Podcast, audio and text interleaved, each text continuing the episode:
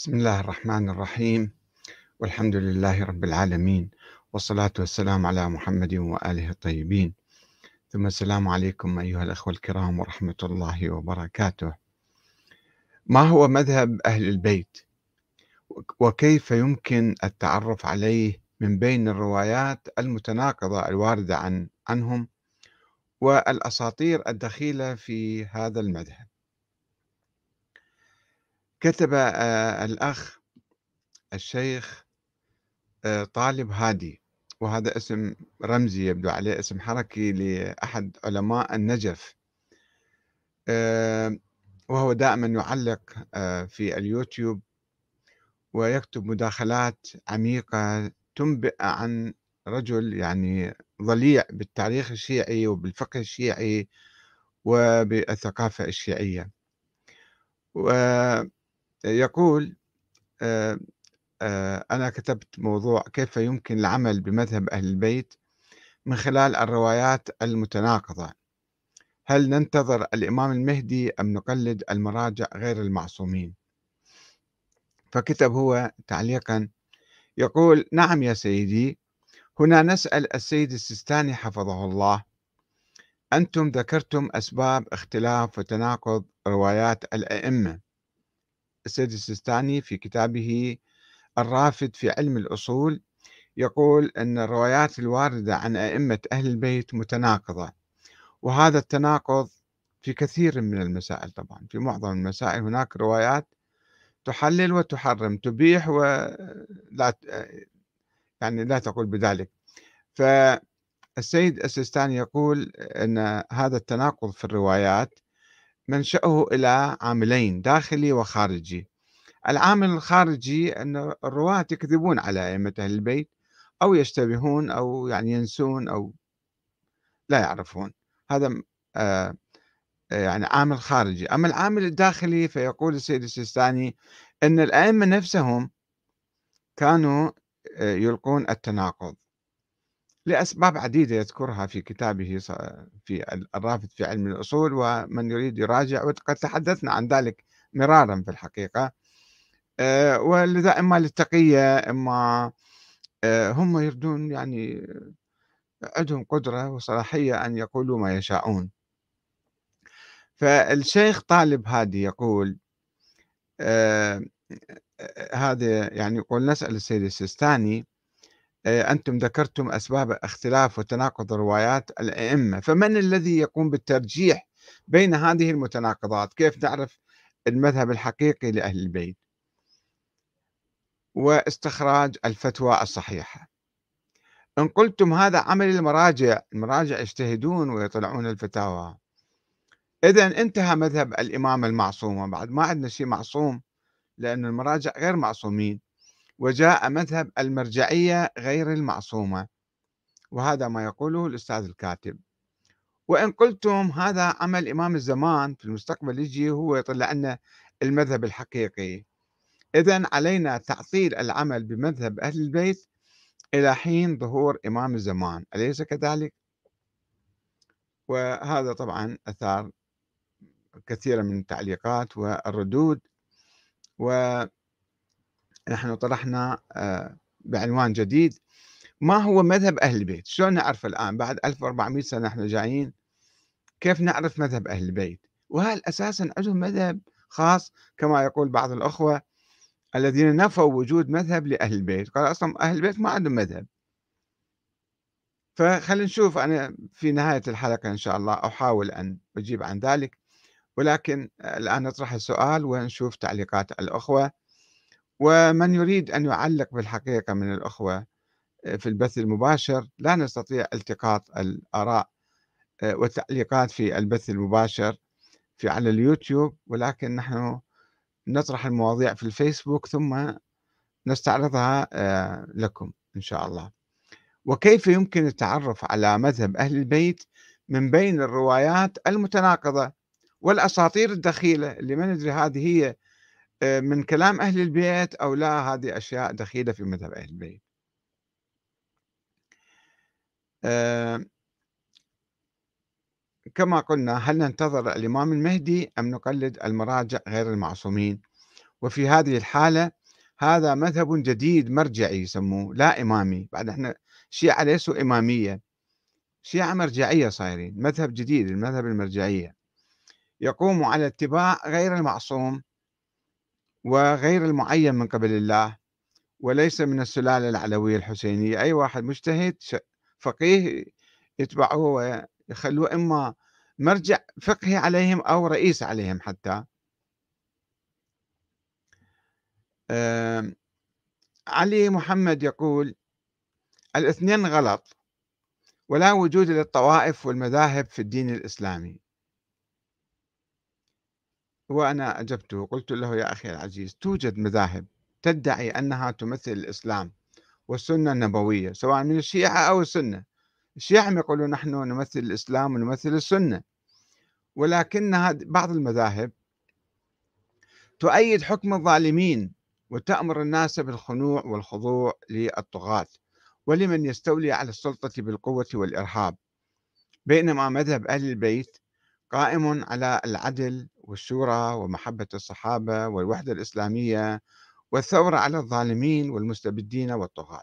فإذا أهل البيت عندهم مذهب في مقابل بعض المذاهب الأخرى المنحرفة التي تدعي أنها تمثل الإسلام والسنة.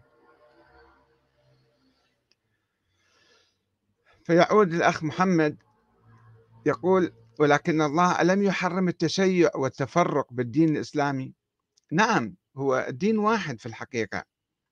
الدين واحد لدى جميع المسلمين ولكن فهم الإسلام فهم الدين أن الله يأمر بالعدل مثلا يأمر بالعدل فقط في العائلة أو بالسوق مثلا أو بالمجتمع أما الحكومة تكون ظالمة فمو مشكلة خلي تكون الحكومة ظالمة. هذا فهم مبني على أحاديث مشوهة يعني القرآن آه، واضح وآياته صريحة ومبادئ الإسلام واضحة أيضا في القرآن.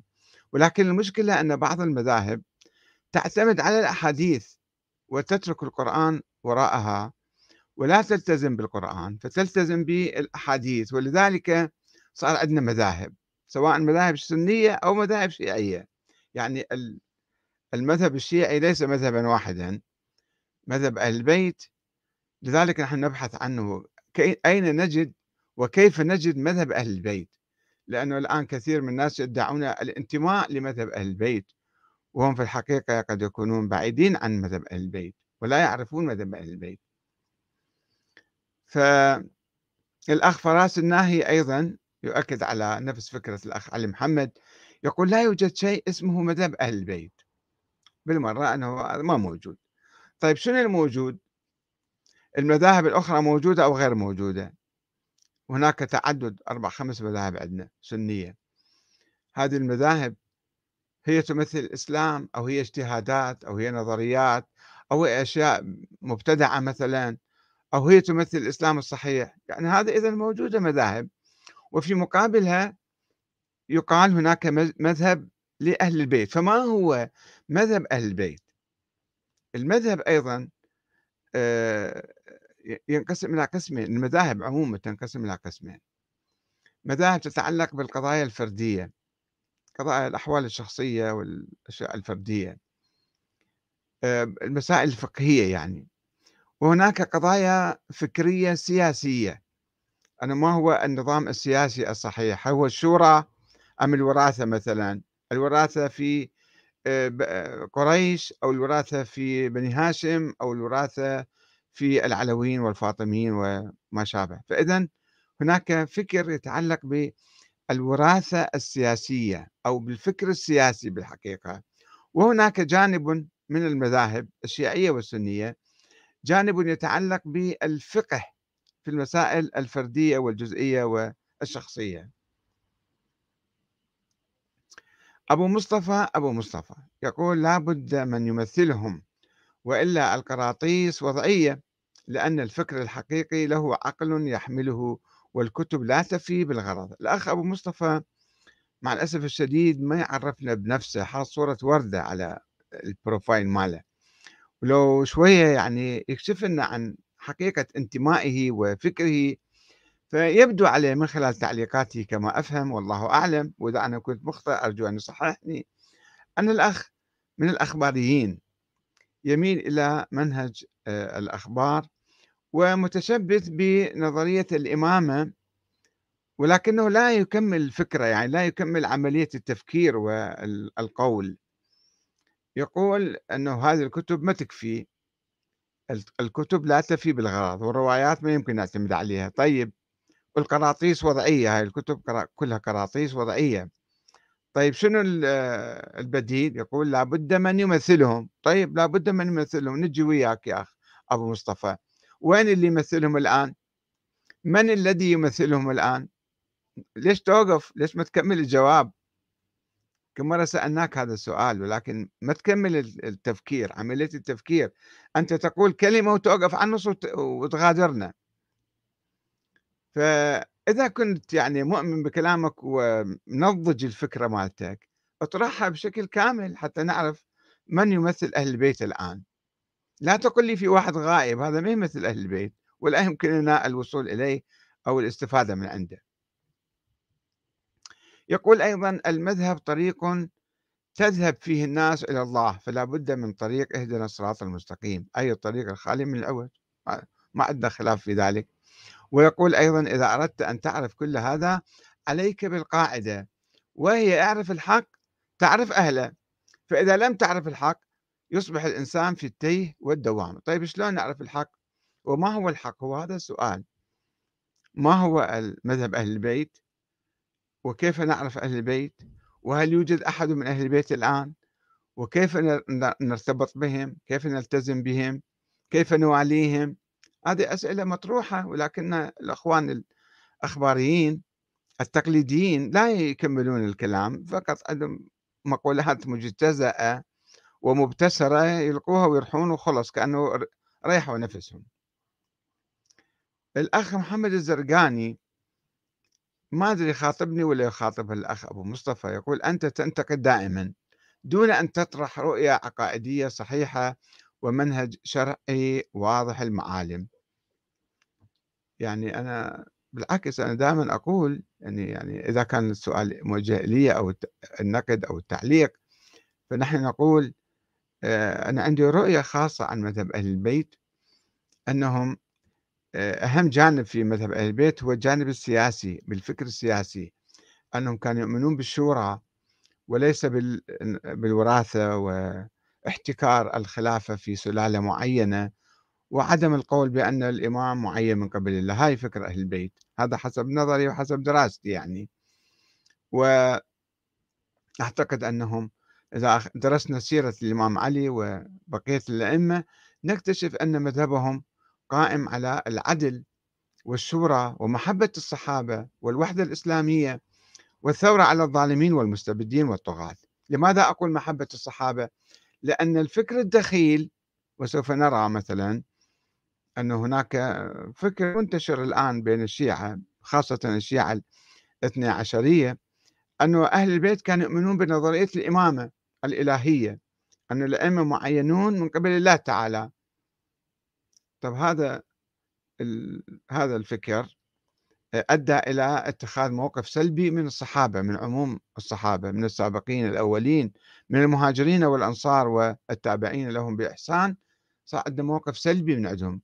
بناء على نظرية الإمامة الإلهية أن الله قد عين الإمام علي خليفة من بعد النبي وبالتالي الصحابة اغتصبوا الخلافة من الإمام علي وارتدوا ونافقوا وظلموا وضربوا ويجيبون قصص أسطورية لا تنتهي.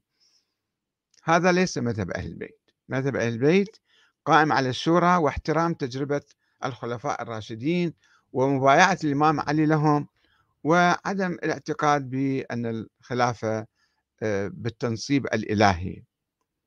وفي نفس الوقت آه، آه، أهل البيت قاموا بثورة على الظالمين سواء الإمام الحسين أو الإمام زيد أو الأئمة الآخرين من أهل البيت عموما يعني كلمة واسعة. غسان الغلاييني.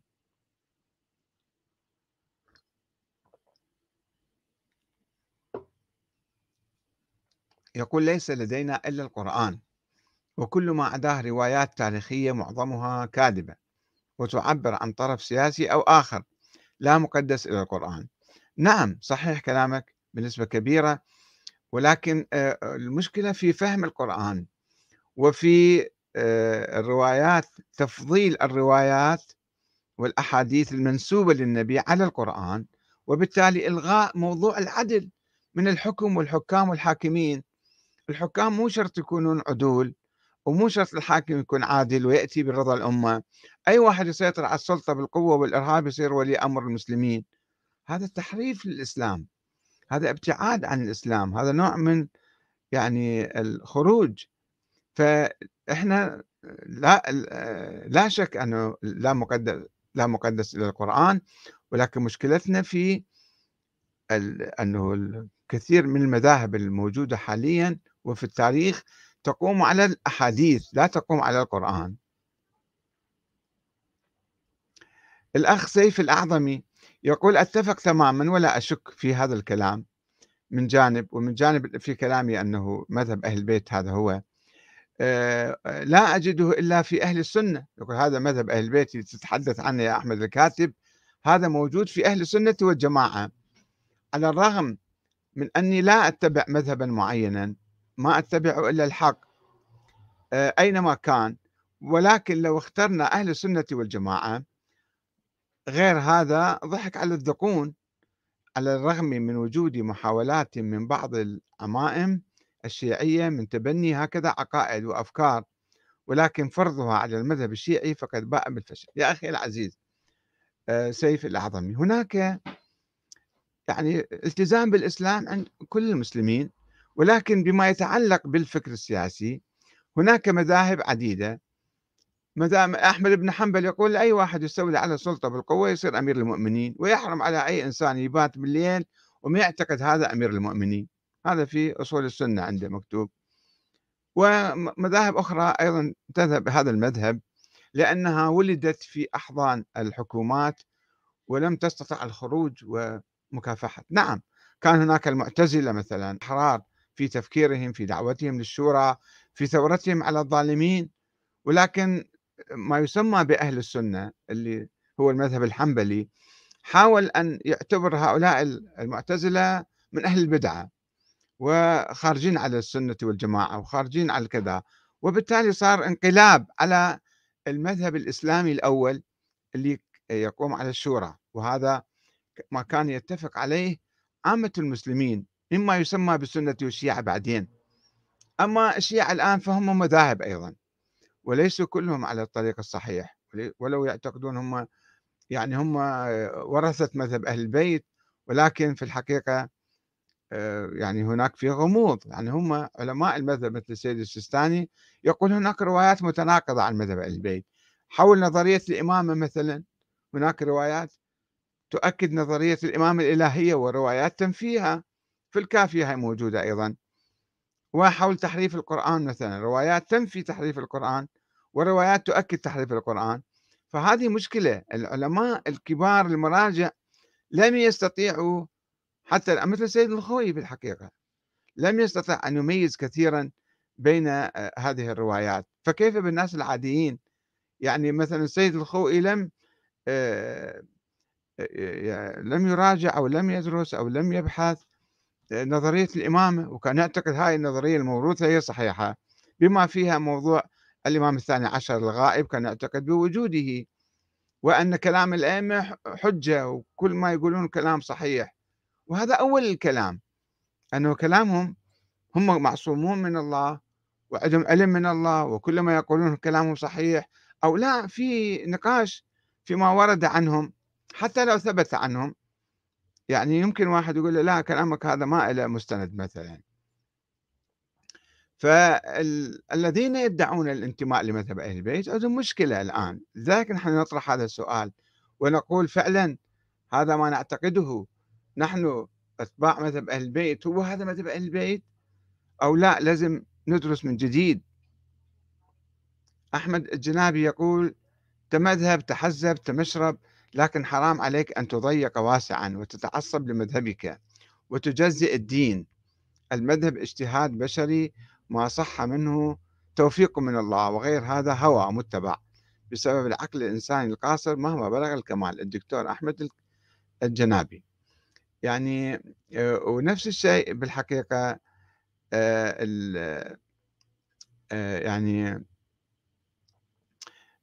حول كلام الأخ طالب هادي الشيخ طالب هادي. هناك أيضا كان في نقاشات من بعض الأخوة. مثلا خليل الزنجي يقول استدلال ضعيف أنه الآن إحنا نتبع المراجع الشيعة الاثنا عشرية يتبعون المراجع وهذا مذهب اسمه المذهب المرجعي مو مذهب الإمامي. يقول هذا استدلال ضعيف جدا لا يطرحه من له أدنى معرفة بالمذهب. فيرد عليه الأخ لا آه، يقول آه، رد على المضمون بدلا من التهرب بكل الاتهامات. يقول سأرد لأنك طلبت الرد وإلا فإن الأستاذ أحمد الكاتب يعرف هشاشة استدلاله وضعف تأملاته. وبالنسبة لهذا المنشور فإن الكاتب أشكل هو الكاتب بالحقيقة أنا قلت كلام الشيخ هادي آه، طالب أو طالب هادي. فإن الكاتب أشكل قيام المرجعية بوظائفهم الاجتهادية على ضوء الكتاب والسنة والعترة واعتبرها تجاسرا على مقام الإمامة أو شيء جديد يعني. رغم أن جميع المراجع السابقين واللاحقين لم يتحدث أحدهم بلغة أنه محل الإمام عجل الله فرجه. صحيح ولم يتحدثوا ولكنهم عمليا هم يقومون بهذا الدور بدور الإفتاء باجتهاداتهم وليس بعلم من الله. هذا من جهة ومن جهة أخرى فإن الأستاذ الكاتب يعرف تمام المعرفة أن أي غياب يحدث في المجتمع أوتوماتيكيا يتم سد الفراغ الاعتباري بشكل مؤقت وهذا عمل مؤسسي بل أزعم أنه غريزي تلجأ له الجماعات.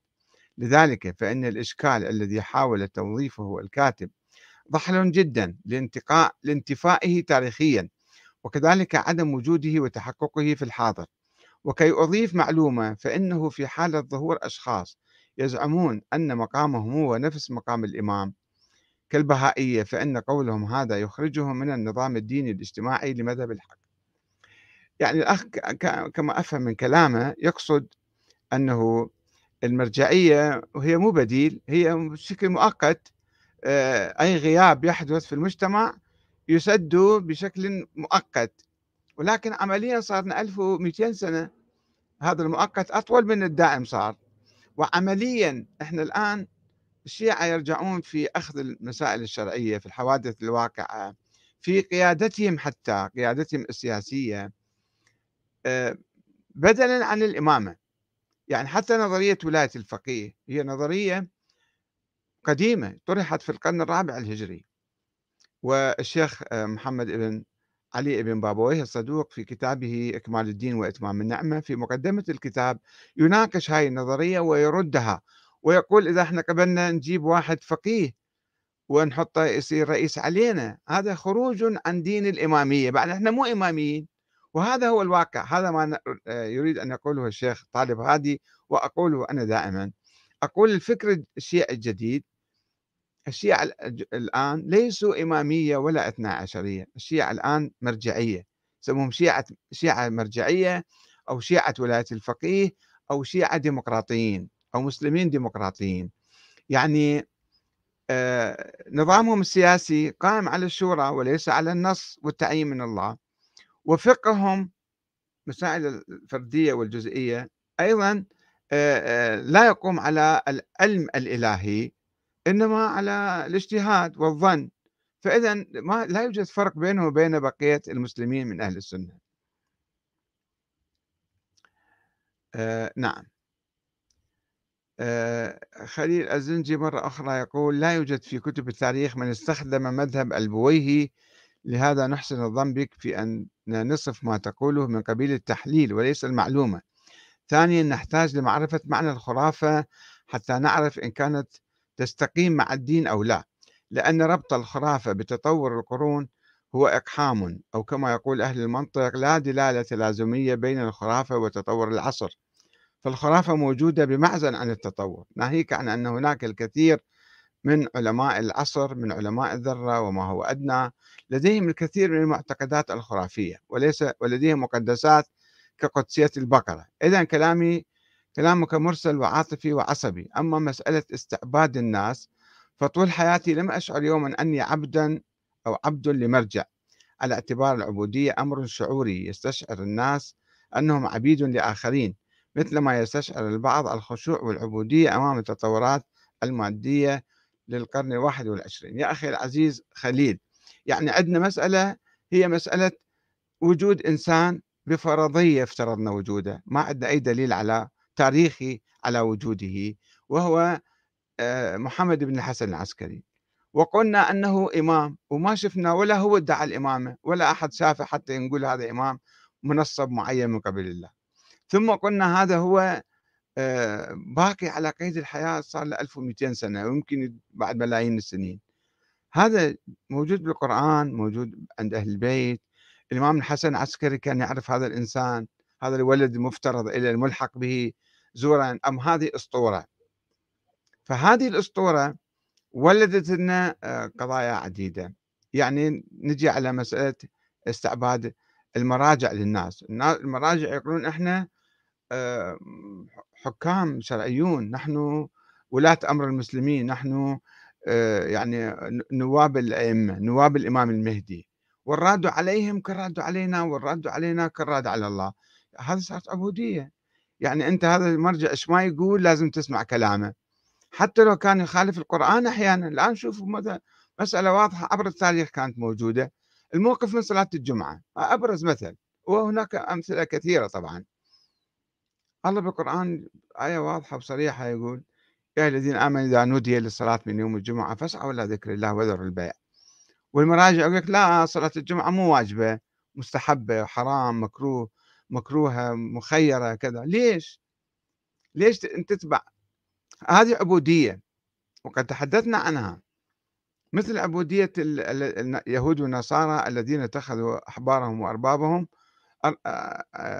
رهبانهم وأحبارهم أربابا من دون الله.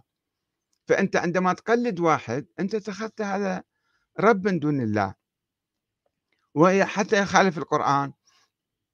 أو يجيب لك فتاوى عجيبة غريبة أنت تاخذ فيها وما تاخذ القرآن. فليش هذا هاي معنى العبودية. مو يعني عبد يبيعك ويشتريك بس أنت مستعبدك عقليا وذهنيا يجب تسمع كلامه.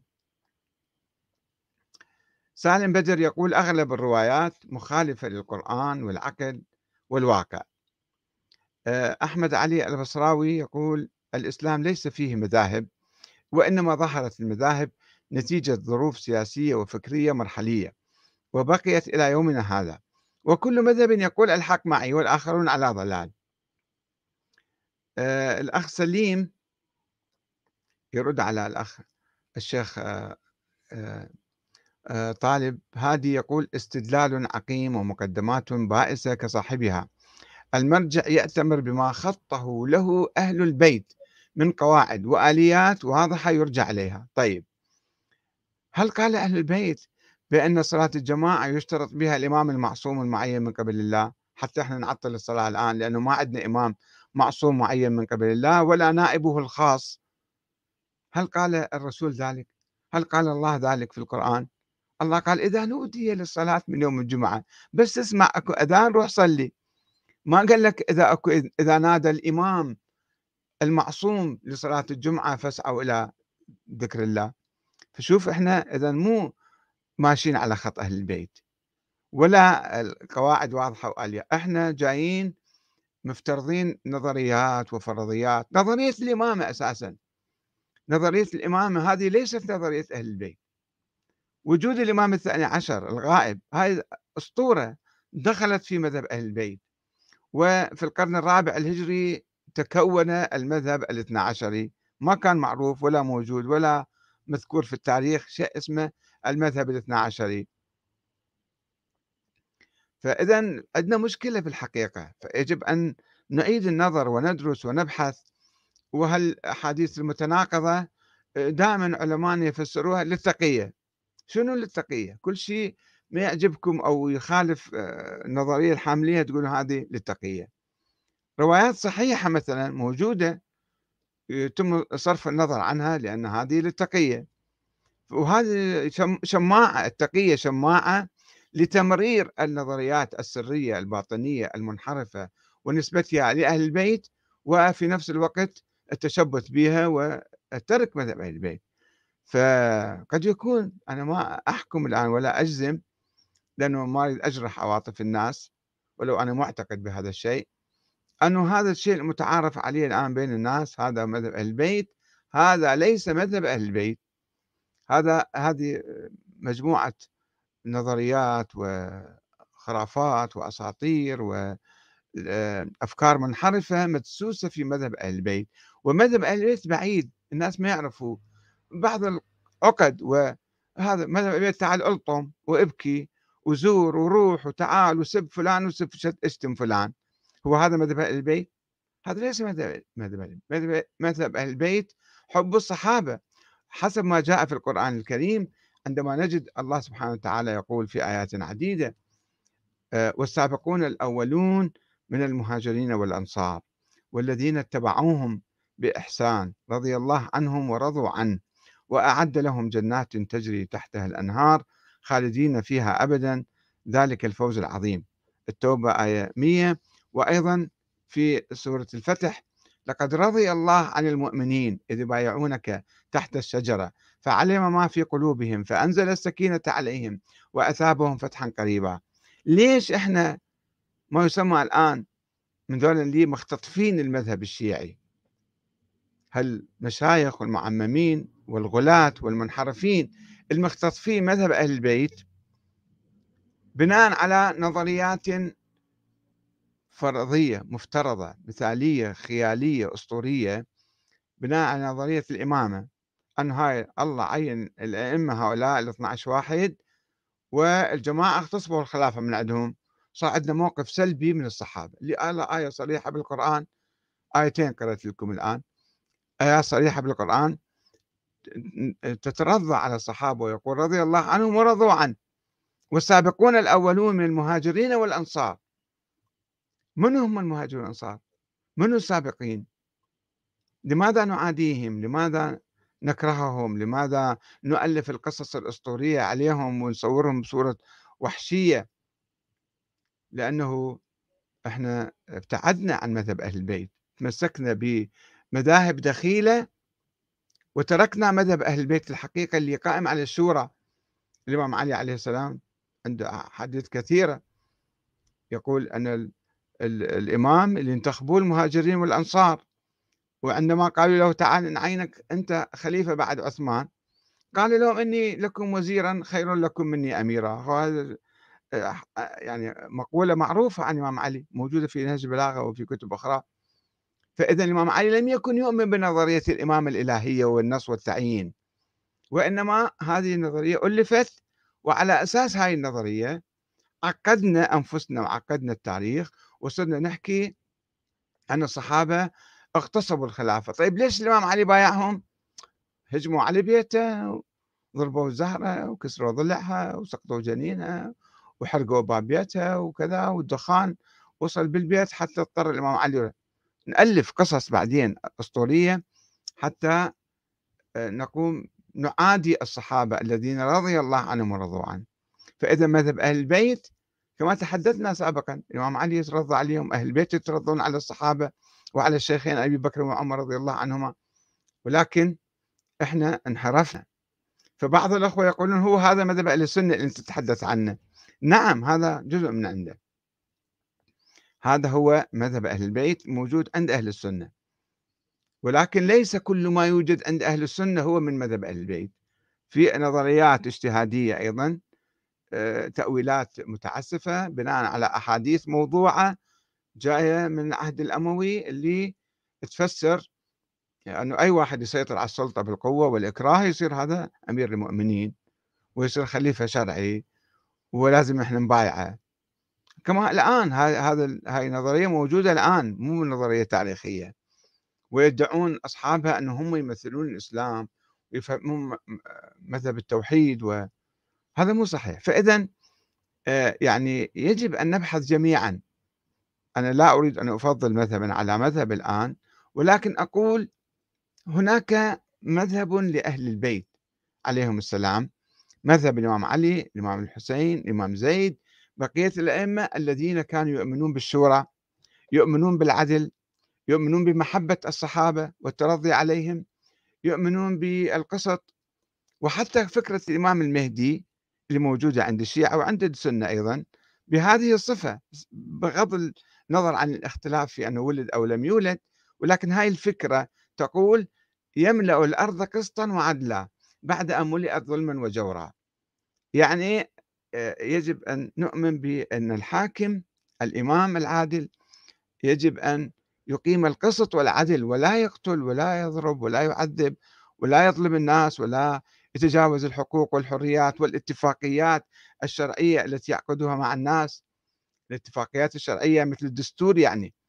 إذا وقعنا دستور والحاكم أو المرجع أو أي واحد وقع اتفاقية مع الناس وما يجوز يتجاوزها بعدين ويسحقها وينساها ويبوشها. يجب أن يلتزم بها. فهذه اتفاقية شرعية بين الحاكم والمحكوم. هذا هو مذهب أهل البيت. يجب علينا أن نبحث عنه باجتهاد نجتهد ونفكر وندرس ولا نقلد أحدا. المشكلة أن بعض الناس يقلدون يكتفون بالتقليد. يقول هذول العلماء يفتهمون بعد هم يفهمون كل شيء. لا خطأ هذا. العلماء إما أنهم لا يجتهدون وكثير منهم يقلدون أو أنهم يتوصلون إلى بعض الحقائق ولكنهم بعد ذلك لمصالح مادية ومصالح سياسية واجتماعية وضغوط وكذا لا يقولون الحق. وينشرون الباطل أيضا في نفس الوقت. فإن شاء الله تكون هناك ثورة ثقافية حتى نستطيع التعرف على مذهب أهل البيت الحقيقي الذي يوحد بين المسلمين. هذا هو مذهب أهل البيت. مذهب أهل البيت يوحد المسلمين. أما المذاهب الأخرى يمينا وشمالا عند السنة وعند الشيعة فهي التي تفرق بين المسلمين. ولا أدري إذا أستطيع أن أخذ بعض المداخلات يلوموني بعض الأخوة يقولون أنت مت متراعينا في هذا البث المباشر.